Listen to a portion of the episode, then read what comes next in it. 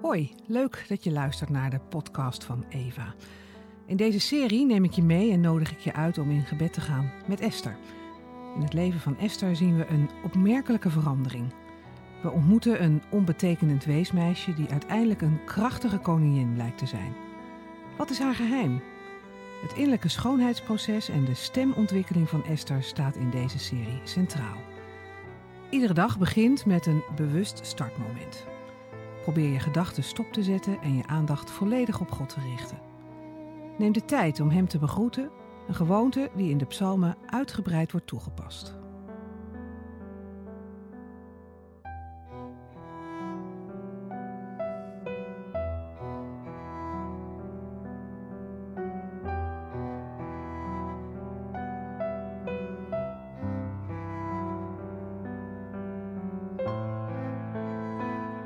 Dag 3. Kleren brengen. Vraag aan God of Hij bij je wil komen en of Hij je wil zegenen met nieuwe inzichten door het verhaal van Esther.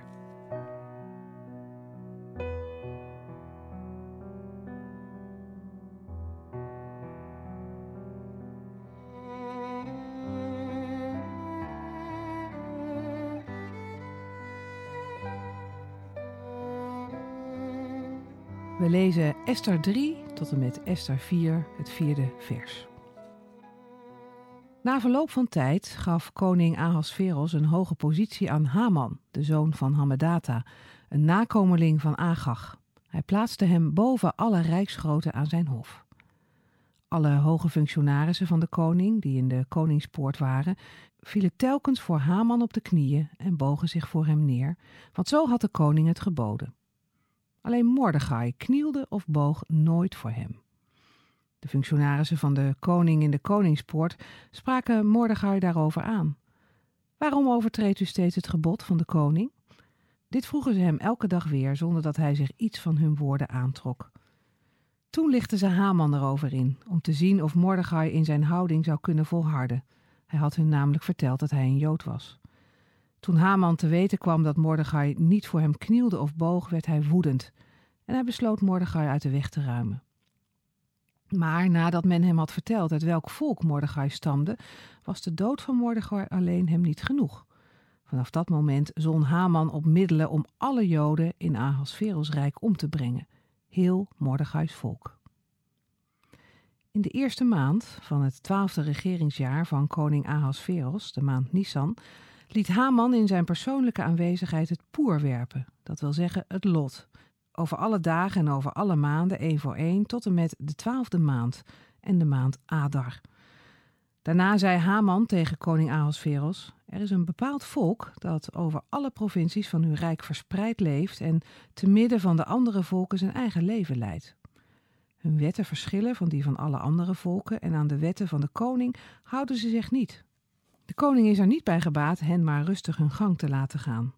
Als het de koning goed dunkt, laat er dan een bevel op schrift worden gesteld dat ze moeten worden uitgeroeid. Dan zal ik 10.000 talent zilver afdragen aan de ambtenaren die de koninklijke schatkist beheren. De koning deed zijn zegelring af en gaf die aan Haman, de zoon van Hammedata, de nakomeling van Agag, de vijand van de Joden. Over uw zilver kunt u vrij beschikken, zei hij tegen Haman, en ook over dat volk. Doe ermee wat u het beste lijkt. Zo werden op de dertiende dag van de eerste maand de schrijvers van de koning ontboden. Er werd een bevel op schrift gesteld dat precies zo luidde als Haman het wilde en dat gericht was aan de satrapen die de koning vertegenwoordigden, aan de gouverneurs van alle provincies en aan de vorsten van alle volken. Voor elke provincie was er een bevel in haar eigen schrift en voor elk volk in zijn eigen taal. Het werd geschreven in naam van koning Ahasveros en met de zegelring van de koning verzegeld. En er werden door boden in alle provincies van het koninkrijk brieven verspreid waarin stond dat op één bepaalde dag, en wel op de dertiende dag van de twaalfde maand, de maand Adar, alle Joden moesten worden gedood en volledig uitgeroeid, jong en oud, vrouwen en kinderen inbegrepen, en dat hun bezittingen mochten worden buitgemaakt. In elke provincie moesten afschriften van de brief worden verspreid. De inhoud daarvan moest overal als wet worden uitgevaardigd en aan alle volken bekendgemaakt, zodat ze zich tegen de genoemde dag gereed konden houden. Op bevel van de koning vertrokken de boden met spoed. Ook in de burcht van Susa werd de wet uitgevaardigd. En terwijl de koning en Haman rustig zaten te drinken, raakte de stad Susa in rep en roer. Toen Mordechai vernam wat er was gebeurd, scheurde hij zijn kleren, hulde zich in een rouwkleed en wierp stof over zijn hoofd.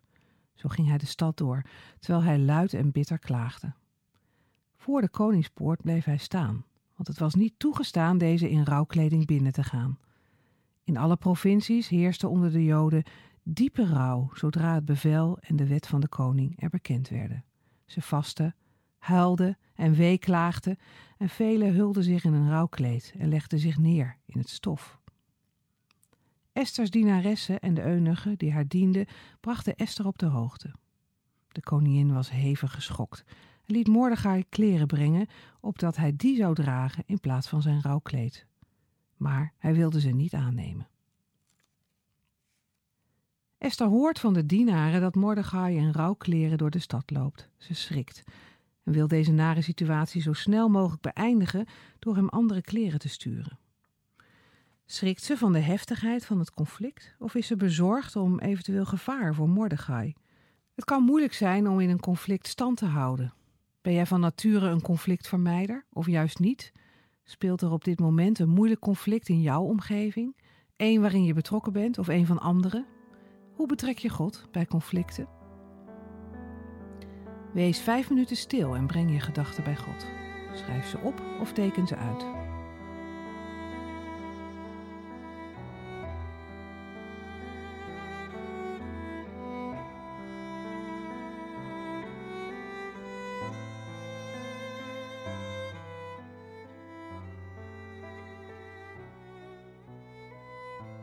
God kent al onze conflicten, kleine en grote, oplosbare en schijnbaar onoplosbare, dichtbij en ver weg.